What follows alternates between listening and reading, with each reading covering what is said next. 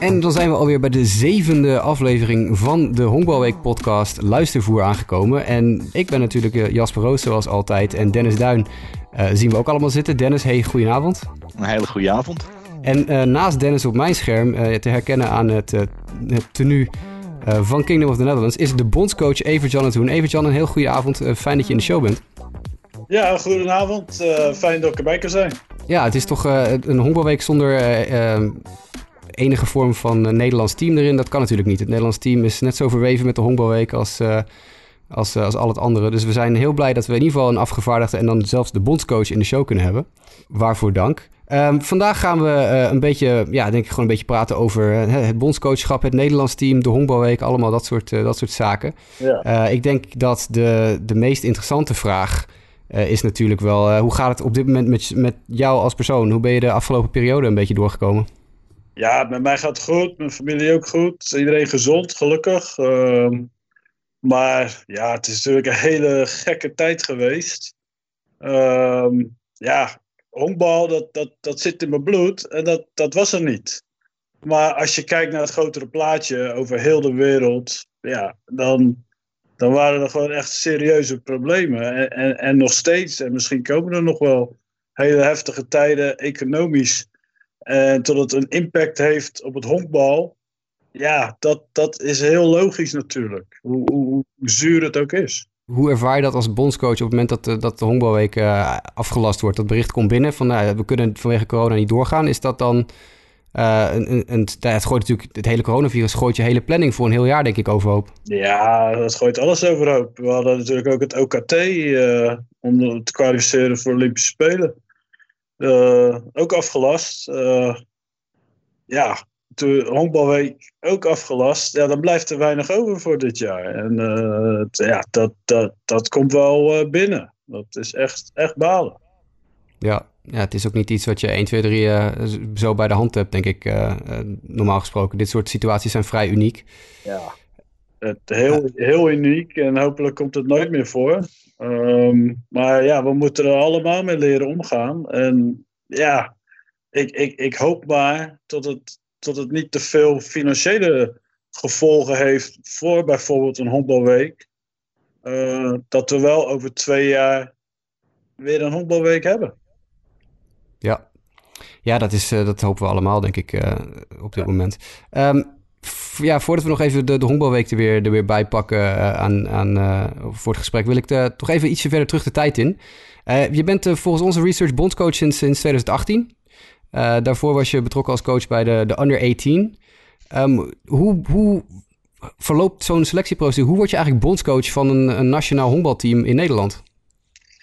Um, ja, uh, kijk, ik, ik, voordat ik bondscoach werd, uh, ik heb ook Toulouse gecoacht, vier jaar in de hoofdklasse. Ik heb ervaring opgedaan, ook met onder 15, onder 18, onder 23. Dus ik had, ik had best wel veel ervaring opgedaan. Uh, Steve Jansen was hiervoor bondscoach. En die ging naar het professionele honkbal in Amerika. Dus ik wist dat de, de plek van bondscoach vrij kwam. Um, en daar was ik wel geïnteresseerd in. En uh, Jack Smeets, technisch directeur, um, die, was, die was eigenlijk net, net aangesteld. En ik, ik heb hem een berichtje gestuurd van, joh, ik weet dat deze plek vrijkomt. Um, ik heb daar interesse in. Nou, hij stuurde, stuurde gelijk terug van, uh, ja, dat is, dat is mooi om te horen. En binnenkort uh, kan je op gesprek komen. Zo is het eigenlijk gegaan. Dat misschien ook wel iets te maken dat je als, als tweede manager in de geschiedenis van de hoofdklasse vier titels op rij gewonnen hebt. Is dat, speelt dat mee in zo'n geval, denk je? tuurlijk. Ja, ik, niet, niet, alles speelt mee. Natuurlijk helpt dat wel natuurlijk. Dat je vier keer landskampioen kampioen op rij bent geworden. Natuurlijk helpt dat mee. Maar ik denk uh, ja, ook de ervaring internationaal die ik als speler op heb gedaan. Maar ook als, als coach, als assistentcoach uh, bij het Koninkrijksteam. dat, en, en hoe ik ben als persoon en als coach. Ja, die, dat is denk ik doorslaggevend. Ja, voor de, voor de mensen thuis. Dennis, weet jij wie de, de andere manager was die uh, vier titels op rij heeft gewonnen in Nederland? Uh, dat was uh, Jan Dick Leurs. Ja, ook oud-bondscoach inderdaad van het Nederlands team, Jan Dick Leurs. Toen ik als klein jongetje voor de eerste de Hongerweek ging, was Jan Dick Leurs bondscoach en Evert-Jan het Hoen de korte stop ja. van het Nederlands team. Dus dan kunnen we ongeveer inschatten hoe oud ik ben. Je refereert al even, eventjes aan, eh, aan je, je ervaring in de internationale honkbalwereld. Natuurlijk als speler. We, kennen allemaal misschien wel de verhalen van uit je spelerscarrière. Natuurlijk in Amerika gespeeld een tijdje. Uh, maar wat, toen ik je, je bio doorlas, het, wat mij echt fascineerde... Uh, los van, hè, je hebt een vrij grote hoeveelheid verschillende functies bekleed... tussen dat je stopte met honkballen in 2006, zeg ik uit mijn hoofd... en het bondscoachschap in 2018. Maar de functie die eruit sprong was dat je scout bent geweest voor de Cincinnati Reds... tussen 2009 en 2013... En ik, ik, vraag me af, hoe word je als, als Nederlandse uh, oud-profhonkballer uh, scout voor een Amerikaanse organisatie in Europa? En wat houdt zo'n functie dan eigenlijk in? Nou, goede vraag. Um, kan ik heel makkelijk beantwoorden natuurlijk. Uh, Jim Stokel, oud-bondscoach, Nederlands team. Um, die had Robert Eenhoorn geholpen om naar college te gaan in Amerika. En ik als jonge speler hoorde dat. En ik denk, dat wil ik ook. Ik wil ook naar college. Maar ja, toen had je nog niet zo internet, social media zoals nu. Dus ik denk, ja, hoe, hoe, moet ik dat doen? En, en was toen scout van de Dodgers. Um, ik heb hem een brief gestuurd. Ik zeg, joh, ik weet dat je Robert Eenhoorn hebt geholpen om op college te komen. Zou je mij ook kunnen helpen uh, om op college uh, te komen? Uh, en hij woonde toen in Florida, in Vero Beach. Daar, daar zat springtraining van de Dodgers. Hij stuurde me een brief terug. Hij zegt: Ja, ik heb je zelf zien spelen op een toernooi. Ik denk met Jong Oranje. Uh, ik ga je helpen. En hij heeft me geholpen om op college in Florida te komen. En, en, en daardoor ja, ken ik Jim Stokel goed. Later werd Stokel scout hoofd internationale scout bij de Cincinnati Reds. Hij was in Nederland. Hij vroeg van, joh, zou jij uh, mijn ogen kunnen zijn in Nederland? Als een soort adviseur. Ik zeg, ja, natuurlijk. Dat is geen probleem. En daardoor is het gekomen. Wat, wat, wat doe je als, als scout eigenlijk op het moment dat je was scout in Nederland, geloof ik, van de Cincinnati Reds? Dus scout je dan uit exclusief de hoofdklasse of heb je een groter werkgebied binnen Europa? Nee, kijk, uh, ik heb vaak heb ik geen tijd om, uh, om toernooien, zeker niet in Europa, af te gaan. Uh, dat was voornamelijk in Nederland. Um, hoofdklasse zou kunnen, maar vaak als ze internationaal spelers willen tekenen, dan is dat toch tussen de 17 en de 19 jaar. En, en natuurlijk spelen sommige spelers dan wel in de hoofdklasse hoor. Um, maar sommige organisaties die, die tekenen heel veel spelers, of hebben heel veel spelers getekend voor weinig tekengeld. Maar je moet ook altijd wel een, een plek hebben in Amerika om, om te spelen. Um, je hebt de Dominicaanse Republiek. Ja, daar wil je als Nederlandse speler wil je daar niet heel graag naartoe. Uh, omdat het toch een hele zware, moeilijke omgeving is. Zeker ver van huis. Uh, zelfstandig te leren leven. En ook nog te honkballen als professioneel honkballen. Dus de Reds waren altijd best terughoudend om, om spelers te tekenen. Tenzij ze er echt van overtuigd waren van oké, die kunnen, gelijk, kunnen we gelijk in Amerika in bijvoorbeeld Rookie League of Short Season plaatsen. Uh, en dan geven we ze een kans. En je ziet in Amerika de laatste paar jaar, dit is misschien een beetje een uitstapje uh, in, het, in het gesprek wat we hebben, maar je zegt net iets wat me te binnen schiet. In Amerika worden spelers steeds jonger opgeroepen. Er wordt steeds sneller, de spelers gaan steeds sneller door de minor leagues heen. Je ziet jongens als Juan Soto op hun twintigste al in de, in de Major League staan. Heeft dat ook zijn uitwerking op hoe we in Nederland met jeugd omgaan? We hebben de verdere professionalisering van de sport, uh, de, de ver, verdergaande scouting in de sport? Ja, ja nou, um, kijk, op echt op jonge leeftijd doorbreken in de Major League is toch nog uitzonderlijk hoor. Er zijn er niet heel veel die op 18, 19, 20-jarige leeftijd echt in de Major League kunnen spelen. Um, in Nederland uh, worden toch wel meer jongens getekend. Um, En uh, professionalisering in de sport, ja, die, die is er zeker. Als je, als je kijkt ook naar het opgezette CTO in Amsterdam. Spelers vanaf 16 jaar, die, die gaan daar intern. Die gaan in Amsterdam naar school. Uh, ze trainen twee keer per dag. Um, dat, dat kan je wel een professionalisering qua opleiden noemen. Ja. Absoluut. Ja, en met, met de komst van natuurlijk, uh, wat je zegt, het tekenen van spelers uh, uit Nederland in Amerika. Ik denk dat dat uiteindelijk ook de selectieprocedure die jij hebt, die je, die je moet doorgaan, hoe, die, hoe je spelers selecteert voor het Nederlands team, lijkt me ook steeds breder worden. Want je hebt natuurlijk niet alleen de hoofdklasse waar je spelers uit moet selecteren, maar je moet ook eh, alles inzien te passen met de Amerikaanse minor league kalender. Ja, ja maar dat, dat is eigenlijk al jaren, uh, jaren gaande hoor. Um, en eigenlijk was ik de eerste speler die uit het Amerikaanse profvoetbal terugkwam om weer voor het Nederlands team te spelen. Uh, dat was in 1999, kun je nagaan. Want daarvoor de professionele spelers mochten niet meer uitkomen voor het Nederlands team. Um, in 1999 moesten we ons kwalificeren natuurlijk voor Sydney. Uh, met, met Jan Dick. En omdat het een OKT was, moest die, ik speelde bij de Angels, die moesten mij vrijgeven. Dus ik ben toen naar Italië gevlogen vanuit uh, Amerika. Ik speelde dubbel E. Uh, EK gespeeld, EK gewonnen, gekwalificeerd voor de Spelen. En ik vloog gelijk weer terug naar Amerika om mijn seizoen te volgen. Dus eigenlijk is dat zo, zo lang al gaande dat, dat een bondscoach ook spelers uit professionele honkbal mag selecteren. Ja, maar is het in zo'n geval dat toen Jan de Kleurs jou selecteerde, kwam die dan ook regelmatig zelf kijken? Of was het gewoon blindelings selecteren van hij speelt in Amerika, dus we selecteren hem blindelings? Nee, natuurlijk niet. Maar ik, ik, ik had al eerder gespeeld natuurlijk. Ik had uh, in 96 de Olympische Spelen in Atlanta gespeeld. Uh, 95 ook, en 94 ook al voor Jan de Kleurs gespeeld. Zij kende me Ja. Uh, dat, dat scheelt. Ja.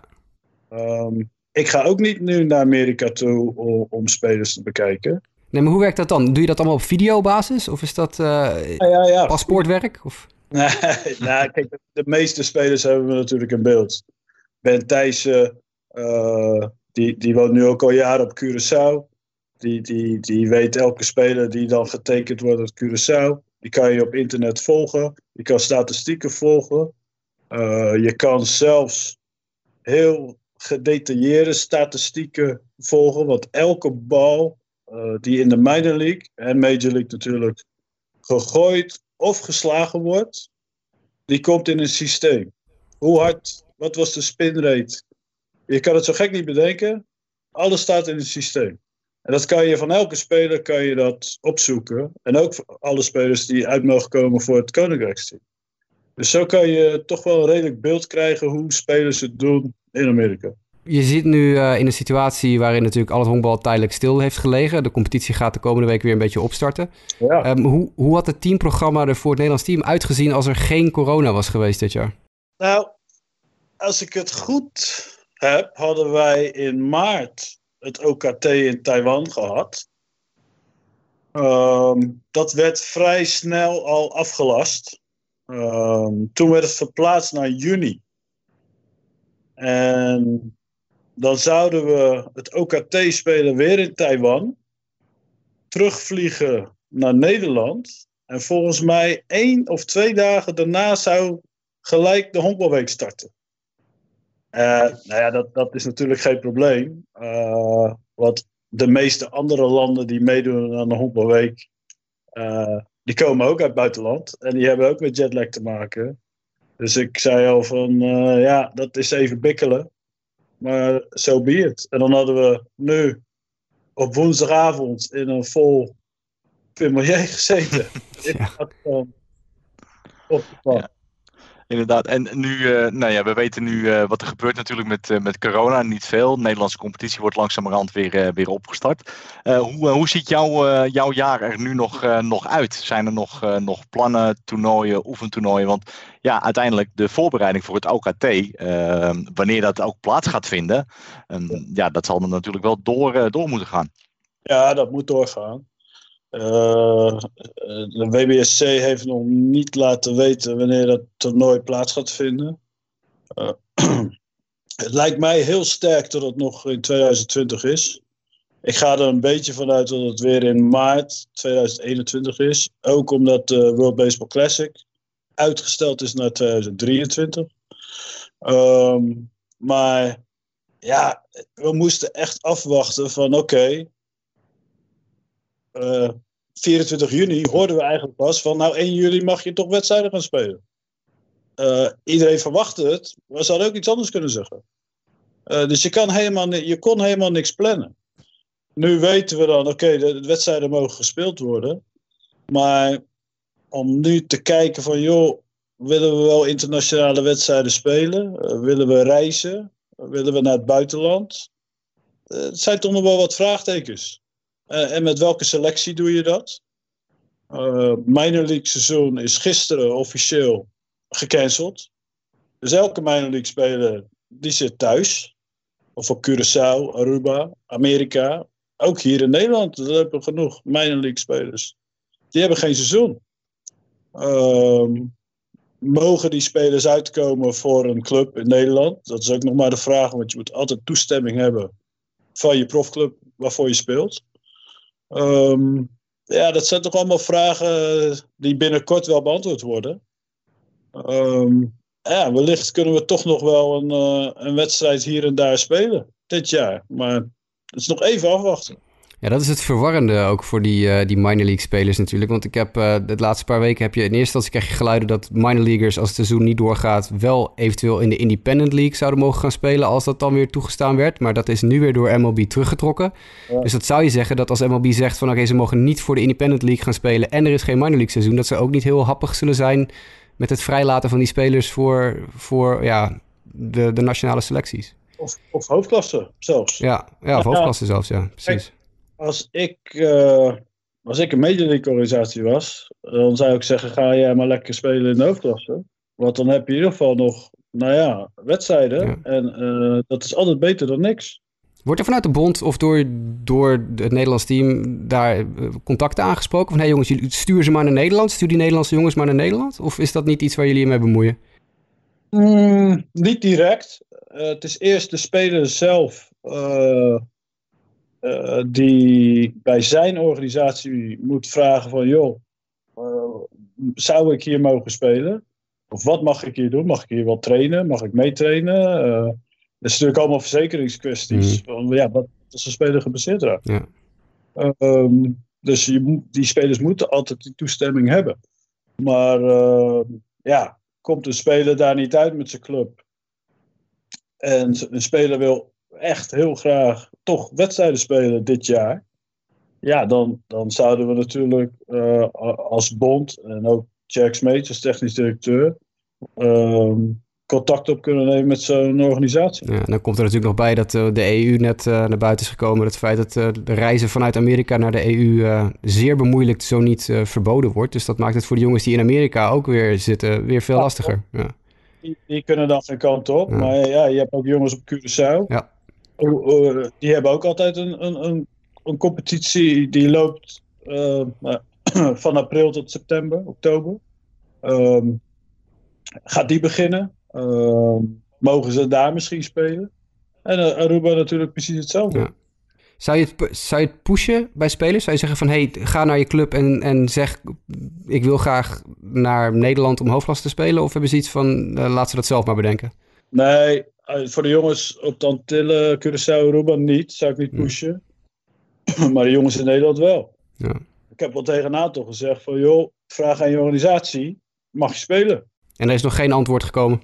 Nee, nee, nee, nee. Ik heb nog niet gehoord van uh, dat ze mogen spelen. Maar dat kan ook elk moment bij hun binnenkomen natuurlijk. Ja, nee, het is, het is een heel, wat dat betreft ook een heel fascinerende periode lijkt me als, als bondscoach in de situatie waarin je nu zit. Um, laten, we, laten we het zware corona-gedeelte even een klein beetje uh, achter nu. Uh, we, we, zien wel hoe het, hoe het zich ontwikkelt. Uh, Dennis en ik vroegen ons af, toen we voor de uitzending even zaten te praten... als je nou, je hebt een, een enorme carrière op internationaal gebied. Als je naar je Baseball Reference pagina gaat... er staat een schitterend verhaal getypt van uh, begin jaren 90 tot in, de, in de 2000's. Alleen al op spelersgebied. Wat, als je nou een, een, paar hoogtepunten zou moeten kiezen als speler... wat is dan dat je denkt, dit is echt een hoogtepunt geweest uit mijn speelcarrière? Um, jeetje, Mina. ja, Olympische Spelen 2000 winnen van Cuba natuurlijk. Dat was fantastisch. Ik speelde toen derde honk. Laatste inning nog op het eerste honk gespeeld. Had ik nog nooit gestaan. Maar ik, ik moest er toch gaan staan. Um, uh, sowieso al mijn jaren als prof. Dat was een ervaring uh, om nooit te vergeten. Uh, ik heb een aantal Major League springtraining wedstrijden meegedaan. Eén keertje uitgenodigd om van het begin af aan springtraining mee te doen met de Major League. Um, ik heb de Futures Game gespeeld, de allereerste in 1999 in, uh, in Boston, Fenway Park. Ja, als backup van Aramis Ramirez uh, stond er op internet. Klopt dat? Was je in de... Ja, ja, ja. Ik startte die wedstrijd niet. Maar dat begreep ik wel. Uh, en, maar om daarbij te zijn, dat is zo'n ervaring. Ja. sorry, Rafael Soriano, die stond op korte stop. Die sloeg twee homeruns. Wow. Ja, gewoon batting practice nemen, Fenway Park, dat is al uh, fantastisch. Ja. Proberen die bal eruit te slaan over de Green Monster. Ja, toch? ja, tuurlijk. dat is al mooi. Ja. Um, een Europees kampioenschap uh, spelen, dat is ook altijd uh, prachtig. Gewoon, je hebt meestal de finale tegen Italië. Ja, dat, dat is. daar kijk je naar uit, naar zulke wedstrijden. Ja. ja. En, en, en je uitgebreide nou, spelerscarrière natuurlijk. En nu ook uh, qua coach. Je hoogtepunten als coach. Heb je, heb je daar ook uh, specifieke momenten van waarvan je denkt van nou, ja, dit is noemenswaardig. Ja, vier keer op rij een titel winnen lijkt me. Maar los daarvan. ja. nou, ik vond uh, de Europa Cup winnen met Neptunus. dat vond ik, dat was heel mooi. Um, we hadden al een tijd niet gewonnen. Maar toen had je nog twee pools van zes. En de, de winnaar van elke pool die speelde een best of drie tegen elkaar. Dus wij gingen eerst naar Bologna om één wedstrijd te spelen. Spannende wedstrijd, verliezen we. Volgende dag vliegen we terug naar uh, Rotterdam. Uh, op vrijdag was dat. En op zaterdag speel je wedstrijd 2. En ja, als je, die win, als je die verliest, ben je klaar. Als je wint, moet je zondag weer spelen. En uh, ja, zaterdag, de, we wonnen 2-1. Het was echt super spannend. Staat 1-1. Zondag uh, spelen we dan wedstrijd 3, beslissende wedstrijd. Uh, ja, die won 7-4. En, en, we werden, wonnen de Europa Cup. En ja, dat, dat, dat was wel echt een hele mooie ervaring. Oh, nou, het ook speciaal omdat het best op drie was. En eentje wed één wedstrijd spelen in Bologna voor een vol stadion. Uh, ja, dat, dat gaf wat extra. Ik weet precies waar je over praat. Want uh, ik ben namelijk in dat jaar die twee wedstrijden. ben ik als officie officieel scorer aangesteld. Dus ik weet precies wat, oh. je, wat je meegemaakt hebt. En, en ik heb het natuurlijk iets anders gevoeld. Maar toch het Nederlands hart. En dan een Nederlands team die dan de Europa Cup wint in zo'n serie. Dus uh, ja, ik heb het van heel dichtbij mee mogen maken. Ja, ik weet nog, uh, we stonden 2-1 voor met alle honken vol. Achtste of negende inning.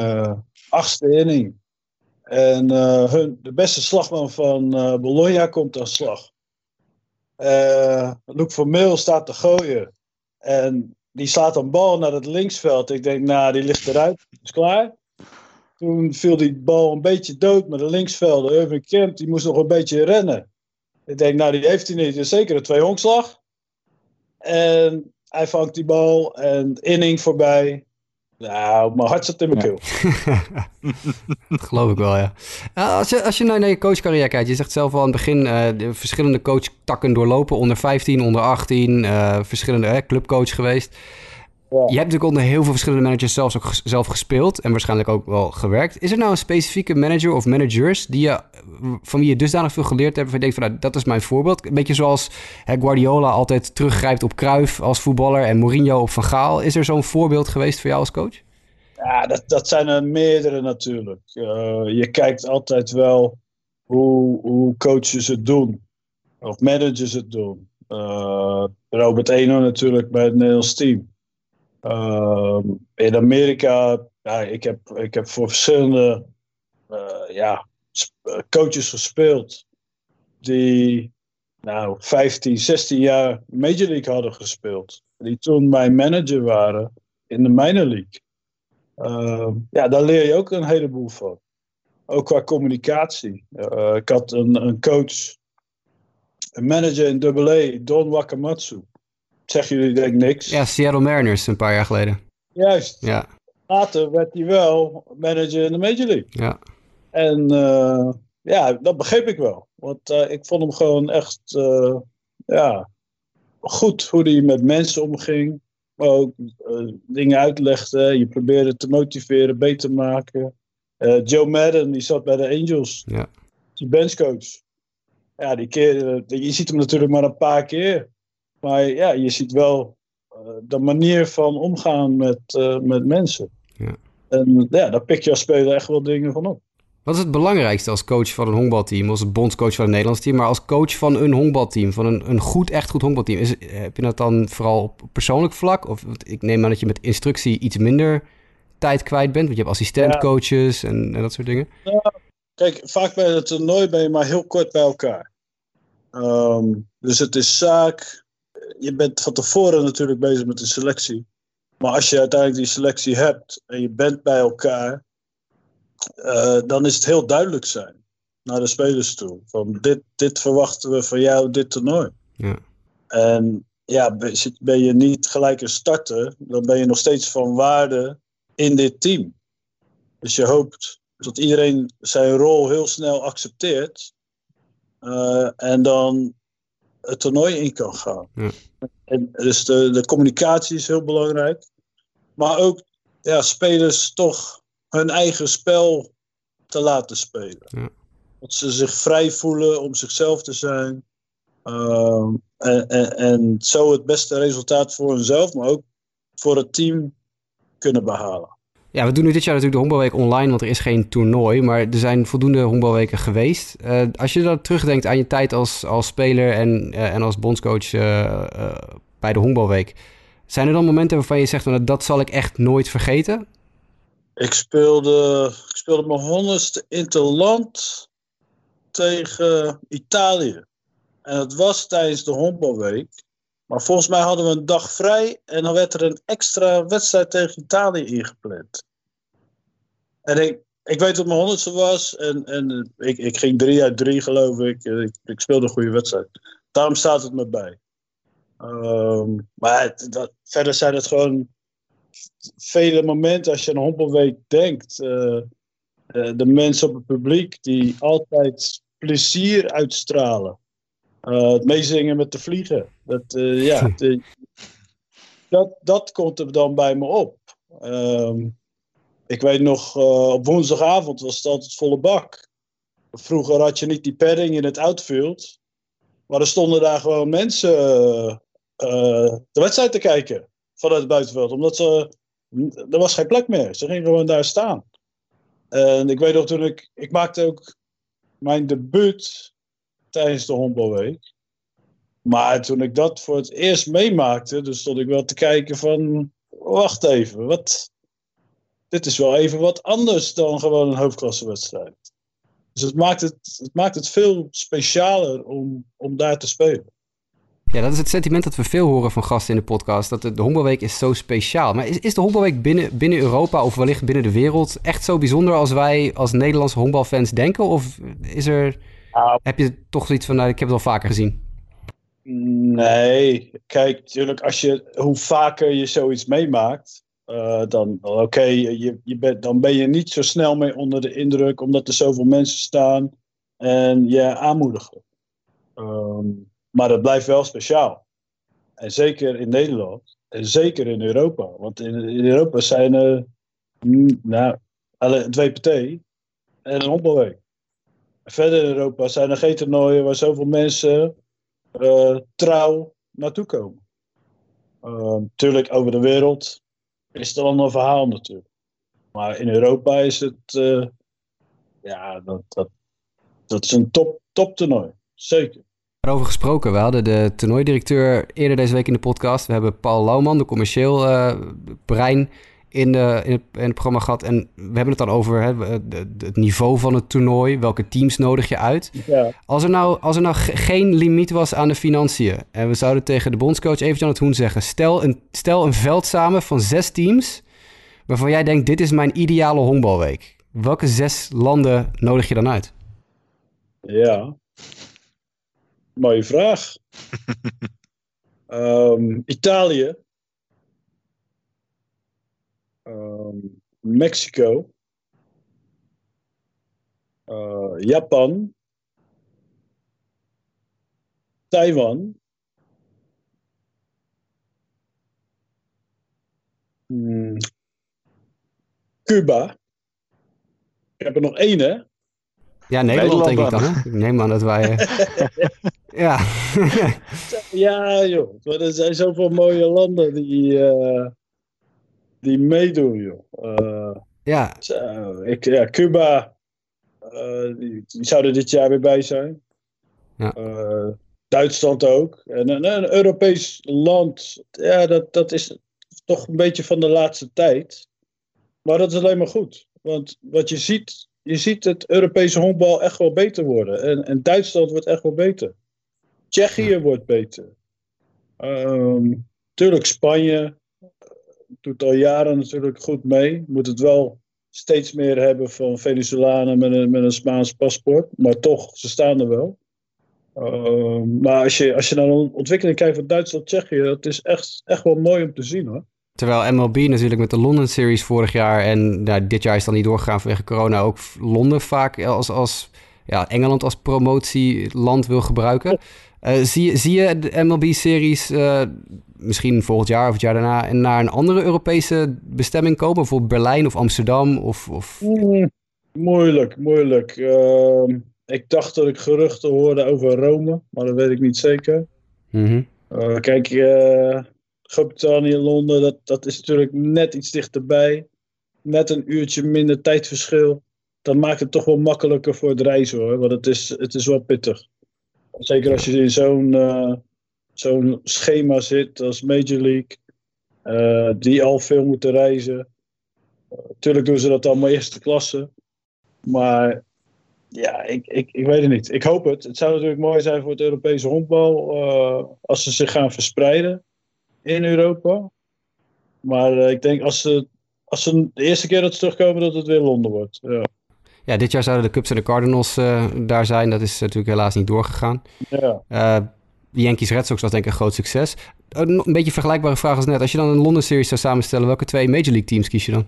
Puur uit nieuwsgierigheid. Puur uit nieuwsgierigheid. Ik heb niet één uh, favoriet team eigenlijk hoor ik heb wel een paar, meestal op zondagavond kijken een wedstrijd. Omdat dan natuurlijk met tijdsverschil, dan is hij, kan je hem live kijken. Maar Dodgers vind ik altijd fijn om te kijken. Uh, zeker toen Vince Scully natuurlijk nog. Uh, maar ik, ik vind dat altijd een hele relaxed sfeer. je ziet de palmbomen, je ziet het zonnetje schijnen. Het is mooi weer, mooi stadion. En de laatste jaren natuurlijk een, fantastische teams die ze hebben gehad. Dus goed honkbal. Yankees ook, vind ik. ja, het is toch altijd powerhouse. Een team waar je altijd rekening mee moet houden. Het is toch knap dat zo'n organisatie dat, dat jaar in jaar uit toch doet. Dus Yankees Dodgers. Yankees Dodgers, dat is wel een affiche inderdaad. Zeg. Goedemiddag. Ook al hebben we dan geen Vince Scully meer om van te genieten, want die is lekker met pensioen. Maar uh, dat, uh, ja, dat is wel een uh, affiche. Dennis, ik, zijn we aan het einde? Heb, heb je nog, nog iets, een vraag die ik ben vergeten? Nee, nee, nee. We, we zijn al ruim een half uur bezig, dus het, hij zit al helemaal vol. Het gaat helemaal top. Ja, dat, dit is de bondscoach. Hè? Die krijgt twee keer zoveel tijd als de andere gasten. Inderdaad. Dat, dat, dat lijkt me duidelijk. Um, Even Jonathan, bondscoach van het Nederlandse team. Ik, uh, ik denk dat we je gaan bedanken voor je tijd hier vanavond. Dit, uh, dit was uh, zeer verhelderend en informatief, maar ook vond ik persoonlijk erg gezellig. Zeker, leuk. Dankjewel voor je medewerking aan de Honkbalweek online. Laten we dat niet vergeten, want we proberen natuurlijk een beetje de, ja, de, de sfeer hoog te houden uh, en, en de mensen thuis uh, nog iets mee te laten krijgen van de Honkbalweek. En ik denk dat we het niet beter hadden kunnen doen dan de bondscoach in tenue uh, in de podcast te hebben. Juist, ik hoop volgende keer gewoon rond deze tijd in tenue op een veld te staan en niet, niet op mijn bank. tijd. Nee, dat, ik denk dat we dat, dat allemaal hopen. hopelijk over twee jaar is er gewoon weer een honkbalweek. Is er niks aan de hand, geen gekke coronacrisis. En kunnen we dan op het veld even wat interessante vragen stellen in plaats van op afstand. Helemaal goed, helemaal goed. Hartstikke bedankt en veel succes met de komende paar maanden als bondscoach van het Nederlands team. Dankjewel.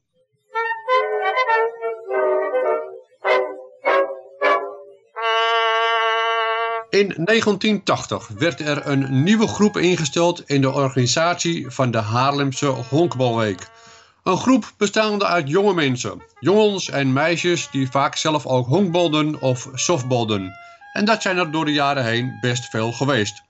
Hun taak was het om een programmakaft te vullen met informatie voor het publiek. Het was het begin van wat de beroemde vouw- en verkoopploeg zou worden.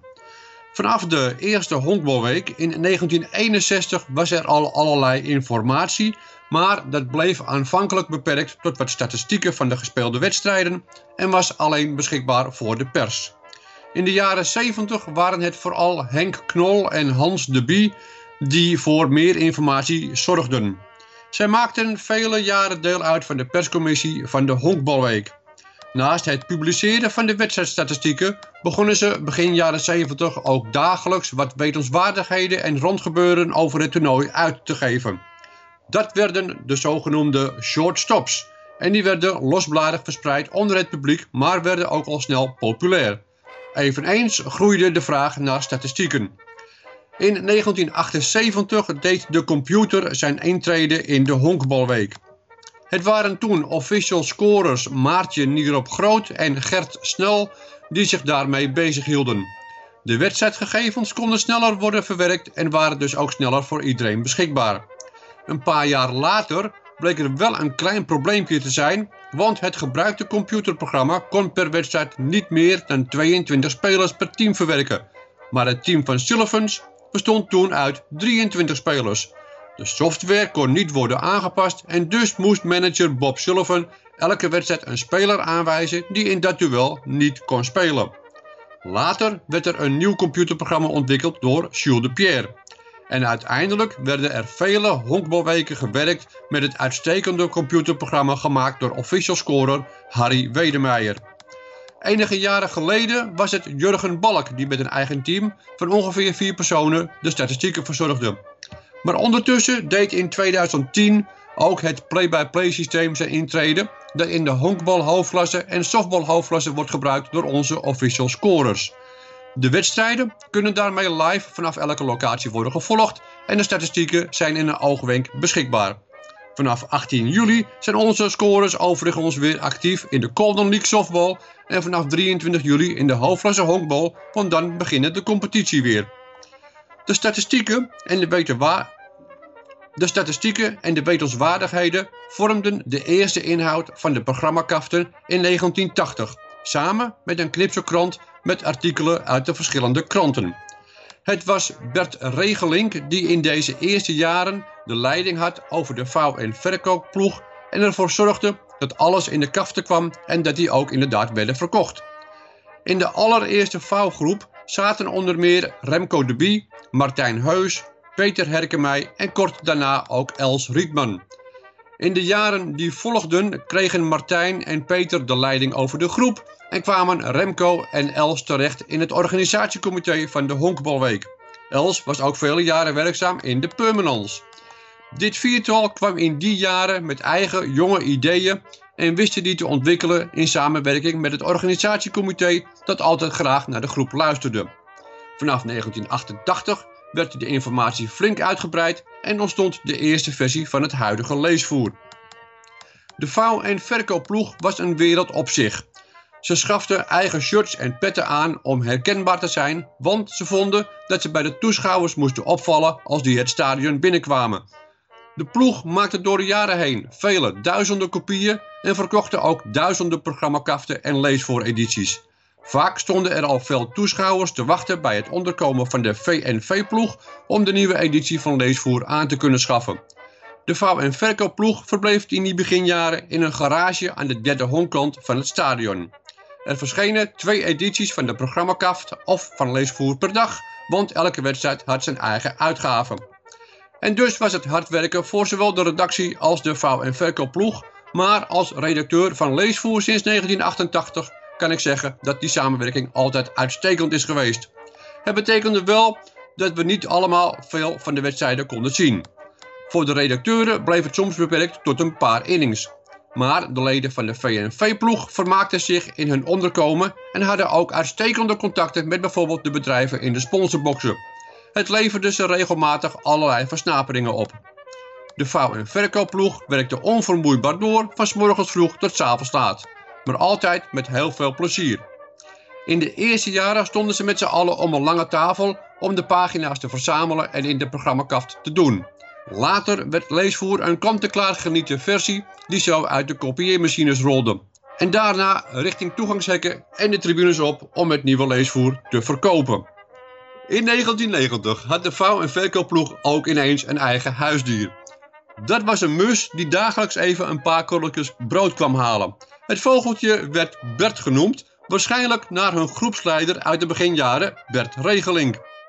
Het is een van de vele belevenissen van de beroemde vouw- en verkoopploeg die ook een eigen traditie opzetten.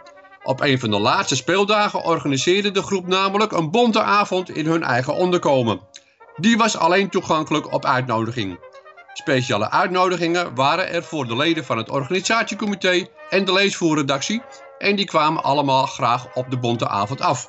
Ook zij konden zich op zo'n avond even lekker ontspannen en genieten van de door de vouw- en verkoopploeg opgevoerde show onder het genot van een hapje en een drankje. Sinds 1980 is er dus altijd een vouw- en verkoopploeg geweest. In latere jaren namen Marieke Fokkema en Marissa Rikkelman de leiding over en zetten met net zoveel enthousiasme het werk van Peter en Martijn voort. Twee jaar geleden verscheen Leesvoer voor het eerst alleen in digitale vorm. Maar toch bleef bij verschillende toeschouwers de vraag bestaan naar een papieren versie om even lekker onder het genot van een bakje koffie op het terras of op de tribune het blad te kunnen lezen. Dus wie weet is er over twee jaar ook weer een papieren editie en dan hebben we dus ook weer een vouw- en verkoopploeg.